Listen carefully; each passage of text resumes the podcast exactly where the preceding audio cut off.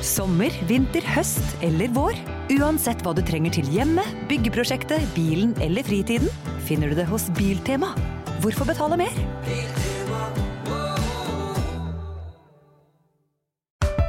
Her er en liten quiz. Du må svare det første du tenker. Ok, kjør på. Hvilket lys kan man kjøre på? Altså grønt? Hvilken farge brukes om en som er litt nybegynner? Grønn. Ja. Hvilken farge har bedriftshelsetjenesten som passer best for mindre bedrifter? Grønn? Ja! Grønn jobb er bedriftshelsetjenesten som er tilpasset mindre bedrifter. Få på plass bedriftshelsetjeneste på grønnjobb.no.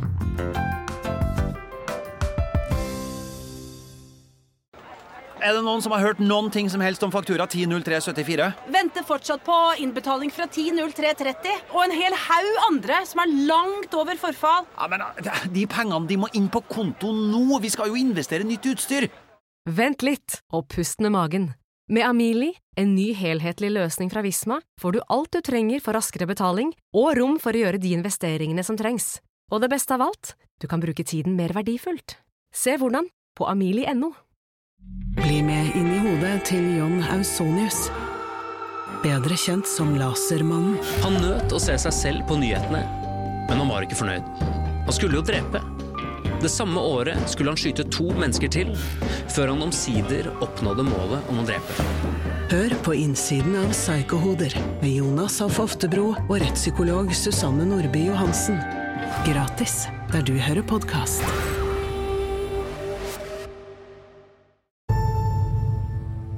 Jeg har kjent Jonny Hagelund i 30 år og vært med på noen av reisene hans. Men i denne podkasten kan du være med fotograf og eventyre Jonny Hagelund på tur til de mest eksotiske steder på denne planeten. Dette er Grenseløs, en podkast fra produsenten av Avhørt.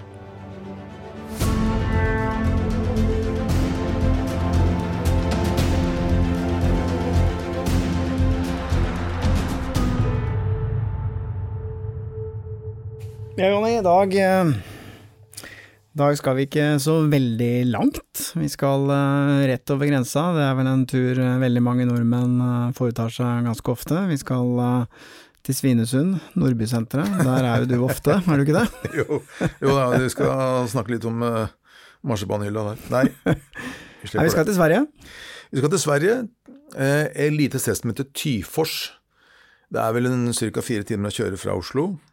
Eh, og det er fordi at eh, jeg er jo heldig som kjenner da Du også kjenner seg gutta eh, Torbjørn eh, Øvrebø og Tor Håkon Ulstad, som er da i den derre Oslo Underground. Ja. To karer som er eh, unge karer som krabber og klyver. Liker å krabbe på trange steder. De gjør det også, å finne ja, steder som eh, de fleste av oss ikke eh, har lyst til å gå inn i. Men det er ikke bare i Oslo, altså. De er litt andre steder òg. Altså, ja, dette her sånn, eh, det var vel Tor Håkon eh, Ulstad som egentlig fortalte meg først om det. og Han hadde hørt om en kruttfabrikk i Sverige. Og Han hadde aldri vært der, ikke Torbjørn heller. Så jeg og, og Ronny Arnesen, som er god venn av meg også, som du også kjenner, eh, vi fire vi satte oss i min bil, og så kjørte vi da fire timer. Og hadde jo sånn noenlunde koordinatene på det stedet. Eh, Og vi kommer da en bitte liten eh, by, landsby vil jeg egentlig si, eller et tettsted kanskje. Midt i svenske skogene. Tjukk svensk skog. Og der finner vi da en liten en sånn grusvei som går da opp mot denne her gamle kruttfabrikken. Men den var da eh, akkurat som at de som eh, har ansvaret for den, eller jeg skal si for noe, de som eh, har noe med den å gjøre, de vil ikke at folk skal komme dit. Så de hadde eh, sperra på en måte grusveien, så man måtte parkere et stykke unna. Men i og med at de hadde koordinatene Man ser jo ingenting fra, fra veien, ikke sant? for det er jo midt i tjukke skauen. Og det er altså litt spesielt, for en sånn, dette her, vi snakker om en 36 000 kvadratmeter stor fabrikk som produserer krutt. Og da må man tenke ofte at det er kanskje noen eh, Den er gammel, men likevel at det er noen eh, master i, i, sant, i skogen med strøm og sånt nå. Ingenting. Det er ikke noe som antyder at det her ligger en så stor fabrikk. Men vi, vi parkerte bilen, og så gikk vi denne her eh, veien opp, og så kom vi til en eh, svær port inn i fjellet.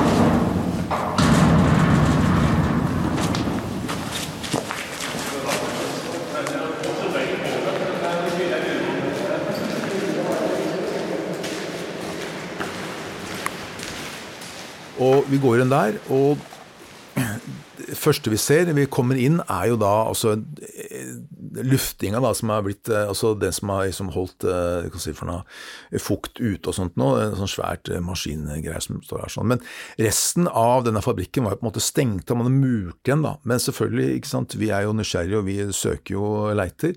Vi fant da en uh, liten inngang uh, inn da til resten av denne her enorme uh, underjordiske fabrikken. Men hvor, lang, hvor, lenge siden er det den var i drift, vet du det? Det er det, ikke sant. Når ble denne her fabrikken bygget? Jo, den ble altså da eh, åpnet i 1938. Rett før annen verdenskrig. Riktig. Mm. Eh, og den produserte krutt. Gjennom krigen? Krutt til ammunisjon. I krigsårene? Ja. Okay. 1945 ble produksjonen stoppa. Hvem var det de produserte for? Ja, det er det jeg lurte på, da. Jeg har jo ringt og, til Bofors og til uh, forskjellige skal si for noe, svenske myndigheter jeg prøvde å kontakte. Hvorfor produserte svenskene så store mengder krutt under andre verdenskrig? Hvem var det de forsynte med krutt? Skal ikke jeg spekulere i noe som helst, men, men det er jo merkelig. Også en eh, dame som heter Sonja Helsing fra byen eh, Fredriksberg, hun, eh, hun døde dessverre noen år før jeg var her, men hun fortalte i et intervju i en lokalavis i 2009 eh, at hun begynte å jobbe der sånn rett før krigen, og at det jobba da altså nærmere 200 mennesker her i den fabrikken. Ja, Så det var en enorm produksjon i et nøytralt land ja. under krigen? Jepp. Mm. Det er jo det som er litt spesielt, ikke sant. Og, så vi ja, vi fire nysgjerrige karene med hjelm på hodet og uh, lys og lykt og kamera, vi krabba videre innover, og det er bare helt Altså, det er bare Det er, det er Indiana Jones. Det er, og der, der finner vi altså svær hall hvor det henger Du ser de har fjerna mye av maskinene her, sånn, for det henger kabler ned fra taket. Enormt rom, altså. Og, og det henger kabler ned fra taket, fjerner maskiner, og så er det andre steder hvor det er kar og sånt, og sikkert noen kjemikalier mulig som står uh, innover sånn. Og det er masse rom. Og så finner vi også et kontor inne i fjellet hvor det står da Tyfors kruttfabrikk. Svensk. Okay. Ja. Ja. Så, så liksom Ja, er ikke det merkelig? Det er i hvert fall eh, ja, Jeg, jeg snakka med Erik, eh, Eirik Veum. Han har jo skrevet boken som heter Det svenske sviket, og han, han kunne ikke svare han heller. Hvorfor er, Hva er dette her for noe? Så, han kjente ikke til denne Nei, han gjorde ikke det. skjønner du. Det er, det er det. Jeg snakka med flere som burde ha, burde ha, kunnskap, men som da ikke visste om det. Og Silla Jonsdottir ved BAE-system Bofors har jeg også snakket med, og hun sa at nei, dette her har vi ingenting med å gjøre. Dette er Forsvarets anlegning, sa hun. Selvfølgelig, jeg tok, tok kontakt da, med, med forsvaret, svenske forsvaret, men eh, de har aldri svart meg. Ok, så dette er litt hemmelig. Men uh, det ligger litt skjult til, og det er litt gjerde rundt uh... Ja, altså du kan si at altså, alt ligger jo inne i fjellet. Og ja. Det er en svær sånn jern, en gitterport som stenger av, som, som, men den var jo åpen. Og da, så er det selvfølgelig lov for oss å gå inn der. Det er jo, ja, selvfølgelig. Er det ikke sånn her? Hvis det ikke var låst? Det sto ikke noe skilt det ikke var lov. Nei. Ikke noe som helst. Så vi gikk inn der, og, og, og, Men det er mer enn det, ikke sant. Fordi at Dette intervjuet da med hun Sonja Helsing, det er jo, jeg fikk da ikke det, og det er jo også ganske interessant. for jeg, Hun blei spurt ikke sant, hva gikk kruttet til, men hun ikke sant, jobba der, og hun, hun, hadde jobben, ikke sant, og, og, ikke noe mer enn det. Men så fortalte hun også det, en historie som jeg Jeg har ikke funnet noen andre kilder på det, men at det da under krigen så ble et tysk fly som kom for nær kruttfabrikken, ble skutt ned av de svenske soldatene som voktet fabrikken. Og det okay. sier jo på en måte, ikke sant, det, det, det taler jo andre veien inn. ikke sant, At ja, ja. produserte dem krutt for, eh, for oss. Ja, ja, ikke sant? Mm. Eller, og, men i og med at det, men problemet er at det, et tysk fly som er, som, som er skutt ned, må ligge i skogen der. Og det er ingen, eh, i hvert fall ikke som jeg har kommet over, da, noen rapporter som forteller om at de har funnet et tysk nedskutt fly i nærheten av denne her kuttfabrikken. Vi gikk ikke rundt og leita etter det? Nei, altså Det er så enormt, så jeg skulle gjerne brukt en sommer på det, selvfølgelig. Men, eh, men jeg antar at de, det er jo så mange år siden ikke sant, dette her skjedde, så at det, det går jo jegere sikkert og, og folk eh, som rusler under skauen der, rett som det er, og at, dem ikke har, at det ikke har vært noe som helst eh, rapporter eller fortellinger om det. Så jeg veit ikke, kanskje ligger det der. Kanskje ligger det et tjern. ikke sant? Det kan være godt for at det gikk ned en myr, for alt jeg veit. Men sant? Men fall, det er en del hemmeligheter her som jeg, som jeg gjerne skulle fått uh, nøsta opp i, altså. Men altså ja, Men Fantes det noen ledetråder inni denne fabrikken? da? Altså Kontorer, ja, altså, noen papirer? Kontoret hadde jo eh, massevis av papirer der sånn. Her ser vi jo papirer. Her står det Tyfors òg. 1940. Ja, 19, ja, et eller annet 40-tall. Ja. Så kan du fylle inn fra 1 til 5. Så her står det noe av innholdet Altså eh, prosessene som har foregått, da. Ja. Sur, hva står det for noe? Surkoking? Surkoking Nei. Blandingen. Skal si ja. Blanding. Så det er klart at det er eh... Så hadde alle ingrediensene der inne også? Så. Ja. ja alle kjemikalene. Mm. Så Men her har det ikke vært folk på, på lenge. Det har jo vært Nei, Det ser ut som det har vært stengt igjen, og så har de da ja, jeg, Så har det blitt åpna. Jeg tror det, jeg òg. Altså. Mm.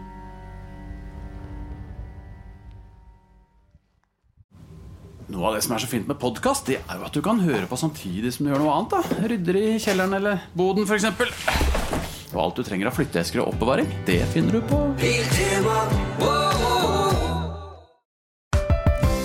Her er en liten quiz. Du må svare det første du tenker. Ok. Hvilken farge er det mest av i flagget til Brasil? Grønn. Hvilken farge har pengesedler i Donald? Grønn? Ja. Hvilken farge har bedriftshelsetjenesten som passer best for mindre bedrifter? Grønn. Ja. Grønn jobb er bedriftshelsetjenesten som er tilpasset mindre bedrifter. Få på plass bedriftshelsetjeneste på grønnjobb.no.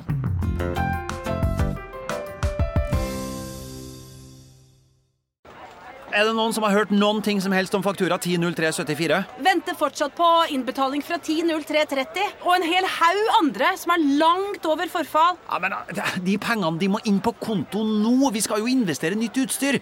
Vent litt og pust med magen.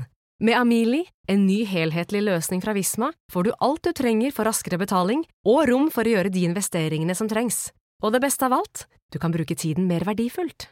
Se hvordan på amili.no. Vi fant papirer da, hvor, som bekrefta at det var kruttproduksjon, og årstallet jeg tror det sto 1943 fra denne her kruttfabrikken. Da. Og ikke bare det, vet du. Vi drev og surra litt rundt inni denne her svære innendørsfabrikken, og det viser at i 1978 så stengte da denne fabrikken visstnok eh, for godt. da. Eh, men vi, selvfølgelig nysgjerrige som vi er, så rusla vi litt eh, rundt videre og kryssa bl.a. en elv, og der var det gjerde, noe som var gjerda inn. Og vi måtte selvfølgelig inn der, og vi fant jo et hull i gjerdet. Der sto det rundt 30 bygninger som var laboratorier og kontorer til dette her fabrikken. Og alle bygningene gikk liksom i ett med skogen, lave, for at de ikke skulle synes i terrenget. Vi fant jo inni denne her, disse 30, rundt 30 bygningene så var det jo kontorer, laboratorier og alt mulig, og her fant vi også papirer som bekrefter at kuttefabrikken var i drift fra 1940 til 1945. Mulig startet produksjonen allerede i 1939, da, men den offisielle versjonen sier at det er 1940. Og frem til 1957 så var fabrikken i beredskap, slik at den ganske umiddelbart kunne starte produksjonen av krutt igjen hvis behovet skulle oppstå, ifølge de papirene jeg har kommet over. da. Eh, og i 1981 altså begynte svenske forsvaret rivende rive enkelte av bygningene. Så det var jo åpenbart en fabrikk som ble anlagt i forbindelse med, med annen verdenskrig, da. Mm. Det er jo ikke noe tvil om det, ikke sant. Så... Og lagt og skjult for at uh, noen ja. ikke skulle oppdage det, for å si det sånn. Det, var, eh, det, det, det er jo helt tydelig, uh, fordi at det, det, var ikke noe som sagt, ikke noen store master som sto med strømmaster, ingenting. Det var liksom helt anonymt, gigantisk, uh, men likevel nesten ikke synlig. Men hvor langt unna nærmeste by ligger dette her, da? Ja, Det ligger et stykke unna alt, egentlig. Det er mange mil. Eh, Tyfors er jo bare et bitte lite tettsted med noen få hus, eh, og det her ligger liksom på utsiden av Tyfors igjen, da. Mm. Det er ikke noe skilt, ikke noe som helst som indikerer at det her er det da Spennende Men Snakka du med noen av de som bor i Tyfors om denne Nei. Ja, jeg har prøvd å ringe og snakke med noen som kanskje kunne ha eh, Jeg snakka med en som heter Melker Becker. Han lagde en eh, sånn svensk dokumentarserie som heter Hemmeliga svenska rom. Og han tror det at eh, mesteparten av kruttet her sånn ble sendt til de større våpenfabrikkene i f.eks. Karlskoga, Bofors, da, som Ok. under krigen. Så, så, men han visste heller ikke noe mer enn det som eh, på en måte er ganske opplagt da, når, du, når det er sånn. Åssen det er nå, om eh, de har stengt alt sammen eller murt igjen eller hva, aner jeg ikke. Veldig vanskelig å si. Men klart at det, Ronny, som også som har, mye, har kun, mye kunnskap om krigen, han leser jo masse og er oppdatert på det, og sier at eh, som han sier, det, det må ha vært en stor, pengesterk kundegruppe. Når de har 200 ansatte til å produsere så mye krutt. Og så, hvor gikk det hen? Det er, det, det er et spørsmål der, altså. Du sier at eh, det var ikke noe forbudsskilt, så det var vel eh, ikke ulovlig å gå inn der. Ja, jeg hører du sier det med litt sånn eh, forsiktig stemme. Nei, altså, dette her er jo ikke noe sånn Det er ikke noe turistattraksjon, selv om det kanskje Kanskje så burde det vært det, egentlig. Egentlig burde jo Hvis svenskene hadde tenkt seg om, så hadde de gjort dette her om til et museum, for det her er jo Hva som enn skjedde der, så er det historie, det er ferdig. Det, og nå, det er ikke noe dagens svenske kan bebreides for, men hvis det var ille, da, eller kanskje det ikke var ille, kanskje det faktisk var at det hjalp de allierte, for alt vi veit. Men uh, uansett så er det svensk historie, og jeg mener at det, det burde vært uh, sikra på et vis, og så latt folk få lov å gå inn og se dette her, for det er bare helt Det er enormt. Og det er en labyrint av ganger. Og Ronny, som er i sånn 30 år som brannmann, han sa det at eh, før vi gikk inn der, gutter, finner et lik, så ikke bli overraska sånn. For, altså, ja, men tenk deg om, også hvis du dreper en fyr og skal gjemme liket, så på, Dette her er jo perfekt sted. Her er det ikke mange som går inn, også, og i hvert fall ikke da vi fant det lille hullet i eh, muren hvor vi kunne komme inn i sjølve storfabrikken. Da. Vi var jo som første rommet, var det greit å komme inn på der var porten, ikke sant. Men resten av, av stedet måtte vi da inn i eh, gjennom et sånt lite hull i muren. Og der kunne klart der kunne jo stabla en hel drøss av lik, ikke sant. Så, men vi fant ikke noe lik, da. Fant ikke noe lik. Nei, vi gjorde ikke det. Men eh, hvis du, hvis du skal reise og ta denne turen eh, og oppleve og kanskje utforske dette her eh, Du kjører altså først ja, Hvor kjører du først? Til Tyfors? Ja, du kjører til Tyfors, og så er det da i nærheten av Tyfors, så må du egentlig bare leite, leite litt frem, da. Men du finner da åssen det ser ut akkurat nå, er jeg ikke helt sikker på, for de kan ha For det er det som De hadde da sperra den, den veien, som en, også, De hadde bare eh, brukt kanskje en eh, bulldoser til å putte noen steiner og, og, og liksom sperre den der grusveien. Det var ikke noe bom eller sånt noe. At de har gjort noe mer med det siden den gang, det aner jeg ikke. Men eh, hvis du finner den, og så ser du at det er en vei på andre siden, så er det bare å begynne å gå der sånn. Så kommer du etter hvert til Det er jo som du sa, så det er et gjerde som er liksom rundt inngangen, da, men det er jo råttent. Og så er det da en portnerbolig der, som også er ganske interessant å gå inn, for der var det da vaktene, ikke sant, de holdt til der. Så, og den også står der åpen, en trebygning, og når du ser den, så er du jo bare meter fra sjølve innendørs, nei, eh, underjordiske fjellhallen. Ja, så du kommer inn i en stor hall, Ja. Men så sa du at du måtte Ja, krabbe altså Du kommer inn i en, en, et forholdsvis stort rom, hvor det er noen sånne svære maskiner som er sånn ventilasjonsanlegg, ikke sant, så, så ser du det. Men, men eh, til høyre der, husker jeg, der fant vi, da var det en murvegg som den har blitt murt igjen av nyere tid, eh, med lekablokker og, og betong, men oppe oppi hjørnet der så fant vi en trang liten eh, passasje, og du vet at vi er ikke noe, har ikke noe problem med å krype gjennom smale hull i veggen, så det gjorde vi, og der, eh, der var gullet da, på andre sida. Da åpna det seg en kjempestor fabrikk. Fant du noe krutt, eller? Nei, det gjorde vi ikke. Dårlig med krutt? Dårlig med krutt. jeg brukte brukt opp. Men eh, ja da, det er, eh, dette her er jo eventyr, og det er det som jeg alltid påpeker, at det, det, det er så mye ting man ikke, fortsatt ikke veit om, ikke sant. Eh, Og det, er så, det er så Og det er også her i Norge så er det ting vi ikke veit om. Eh, Ronny og jeg, vi eh, Det er jo jeg tror det var 2008 faktisk. Så eh, i Oslo her, eh, Rusløkveien, så er det da Rusløkka skole, så er det en sånn svær, gammel vegg av, av steiner. Eh, med sånn eh, Du ser at den er gammel, ikke sant. Og så er det en luke i denne her med sånn rist foran i den veggen. Så da Ronny- tenkte du at da skulle du krabbe inn ja? Ronny, jeg tenkte liksom, hva er bak den luka der, Ronny? ikke sant? Så, så vi gikk og tenkte litt på det, da. Og, og så en, lånte jeg da noen sånne sperreblokk og, sperrebukk og plank av en kompis som jobber med veisikring. Eh, og så sperra vi områder da, som vi var eh, arbeidere, da, ikke sant. Og tok en presenning over dette hølet. Og det så ut som veiarbeidere på nattarbeid, ikke sant. Og så hadde vi en, en kompis av Ronja som holdt litt vakt, da. Han gikk rundt og kikka at ingen som men jeg vil ikke påpeke at vi gjør ikke noe, sånn, vi gjør ikke noe gærent, vi ødelegger ikke og, og Spørs om ikke det kommer en liten bot til posten etter at denne episoden her er sendt, eh, men det er greit. Det, det tåler vi. Jeg tror ikke det er lov å drive og sperre av fortau og late som du er fra Ja ja. Men det får vi Det, det tåler vi. Det ja, vi tåler det. Ja, ja, det, det, det ramma til den tar dere, så da Men eh, uansett, da, så, så stige, og så tok vi og skrudde av rista, og så krøp vi inn. ikke sant? Og der, Først går vi rett litt innover noen meter, og så går vi ned, og så kommer vi til et rom som er kanskje fra jeg tipper er altså krigens dager, kanskje rett etter krigen, men sikringer og sånne elektriske komponenter som er fra kanskje 50-tallet. Eh, og vi eh, tok, jeg tok masse bilder, selvfølgelig. Det var ikke stort rom, da, men det var interessant nok. Og Så krabba vi ut igjen og så satte vi på plass en rist og alt mulig.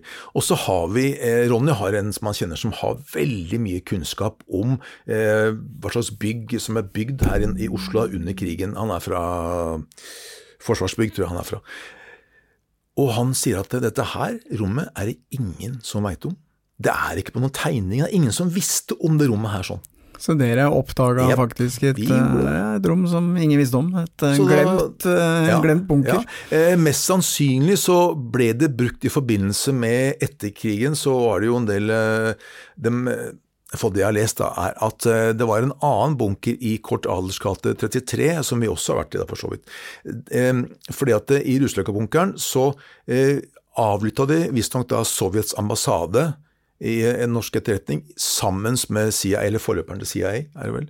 Eh, og de dokumentene der de ble oversatt i denne andre bunkeren. Eh, så At dette her har noe med den etterretningsvirksomheten som eh, pågikk etter krigen, mest sannsynlig. Og derfor også kanskje det ikke har blitt tegna ned, for dette, det her var på en måte hemmelig. ikke sant? Så kanskje det rommet rett og slett eh, ikke ble tegna opp fordi at dette her er hysj-hysj. Men vi oppdaga det.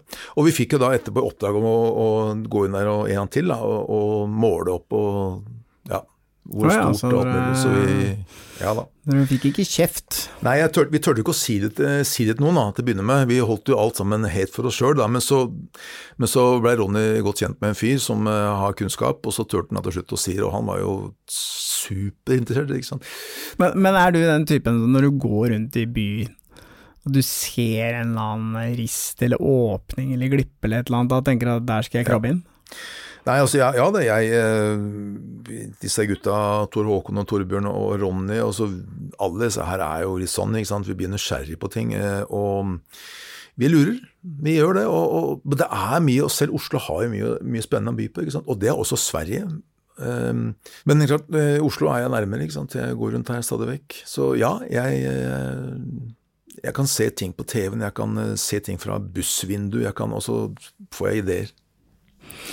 Men hvis du har lyst til å gjøre noe annet i Sverige enn å bare handle flesk og snus og billig brus, så kan du reise til Tyfors og se om du finner denne gamle, nedlagte kruttfabrikken som ligger inne i et fjell. og utforske det. Det er jo litt annerledes, ja, men det er jo spennende. Ja, og, og om du ikke finner sjølve Eller om du ikke kommer inn i sjølve bygget, den underjordiske eh, fabrikken, så vil jeg tippe at de eh, rundt 30 bygningene, små bygningene i skogens farge, de ligger fortsatt der også. For, fordi at det, det også var jo litt interessant, da. fordi at den, på 70-tallet så ble de byggene visstnok brukt av en lokal eh, skal vi si for noe som driver med sånn bilkjøring, rallycross. Okay. Eh, så det sto jo da inni eh, flere av disse byggene sto det gamle biler. Eh, Saab og sånt, noe som var litt ombygd da, fra 70-tallet.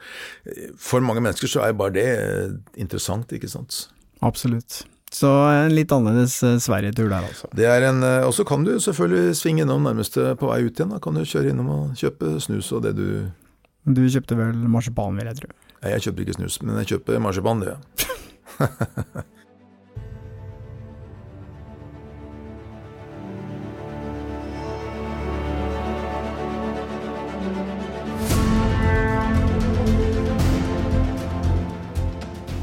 Grenseløs er produsert av Batong Media, og hvis du vil se bilder fra denne turen, kan du gå inn på Instagram og søke opp Jonny-Haglund.